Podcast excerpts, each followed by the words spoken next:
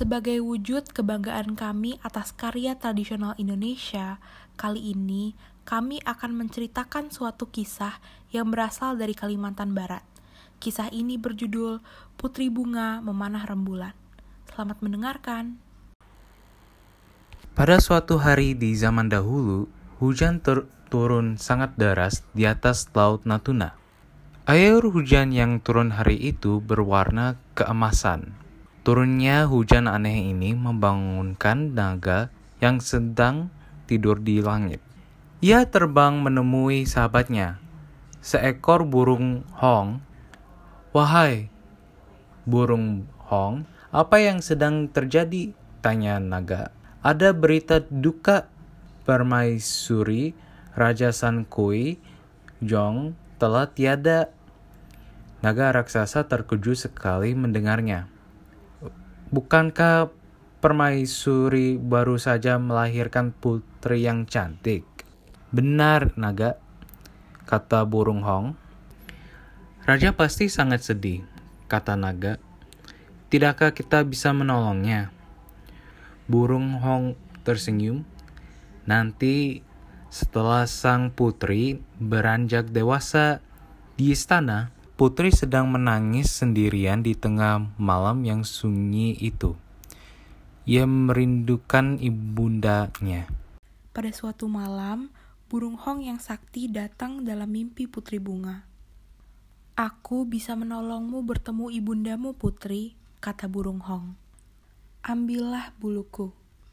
Ketika bulu itu diambil, bulu itu berubah menjadi panah keemasan lengkap dengan busurnya. Gunakanlah panah dan busur ajaib ini untuk memanah bulan purnama, maka engkau akan bisa berjumpa kembali dengan ibundamu. Namun, sebelum keinginannya terlaksana, kerajaan Ayah Putri Bunga lebih dahulu diserang bencana. Negeri San Kyeojong yang aman damai menjadi porak-poranda karena munculnya ular siluman dari dasar laut. Raja sangat sedih dan bersumpah akan menumpas ular siluman itu. Putri Bunga yang sudah banyak belajar ilmu bela diri berjanji akan membantu sang ayah dan pasukan kerajaan. Putri Bunga kembali bertemu dengan burung Hong dalam impiannya. Dengan sedih, Putri Bunga bercerita pada burung Hong bahwa ia ingin bisa menolong sang ayah menumpas ular siluman dari dasar samudera. Burung Hong berkata bahwa satu-satunya yang bisa mengalahkan ular siluman adalah jika Putri Bunga memanahnya dengan anak panah ajaib pemberiannya.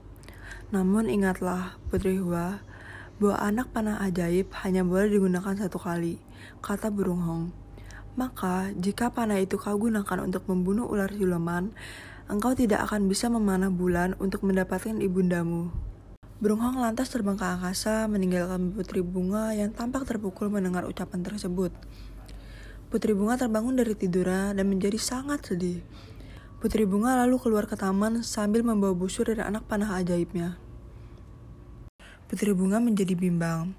Ia kemudian mulai mengangkat panah ajaibnya ke arah bulan purnama. Namun setiap kali ia hendak melepas anak panah, ia menurunkan busurnya kembali. Tidak, aku harus menggunakan busur ini untuk besok. Untuk menolong rakyat ayah anda. Pada saat itulah Putri Bunga mendengar suara nyanyian merdu yang pernah ia dengar sewaktu dirinya masih bayi. Ama, bukanlah itu suara Ama? Alunan merdu itu terus terdengar, makin lama makin jelas menuju gerbang istana. Putri Bunga menyadari ada yang tidak beres. Di sana tampaklah siluman ular sedang mengendap-endap. Putri Bunga mengambil keputusan besar ia menatap ke arah bulan purnama dan mengucapkan kata perpisahan kepada sang ibunda. Putri Bunga melesatkan anak panahnya ke arah ular siluman, sehingga terdengar suara petir yang membangunkan seluruh negeri. Malam yang sunyi itu berubah menjadi gembira ketika seluruh rakyat mengetahui ular siluman berhasil ditumpas. Namun, ketika raja dan rakyatnya berpesta, Putri Bunga justru murung. Tiba-tiba tampak cahaya berkilan dari langit. Aku datang ke bumi untuk meminta kembali busur ajaib yang kau sudah gunakan. Kata burung Hong. Aku sedih sekali, aku tidak bisa bertemu dengan ibundaku. Kau bisa menemui ibumu putri. Ibumu tidak pergi. Rasa cinta beliau selalu ada di dirimu, di dalam hati. Seketika itu kembali terdengar suara petir di angkasa. Seorang wanita cantik tampak menunggang naga raksasa. Ama, teriak Putri Bunga. Walaupun Putri Bunga hanya bertemu ibundanya sesaat, ia mengerti bahwa keberaniannya untuk berkorban telah membawanya kepada kebahagiaan tak terkira. Konon San Keujong menjadi salah satu asal mula nama kota Singkawang di Kalimantan Barat.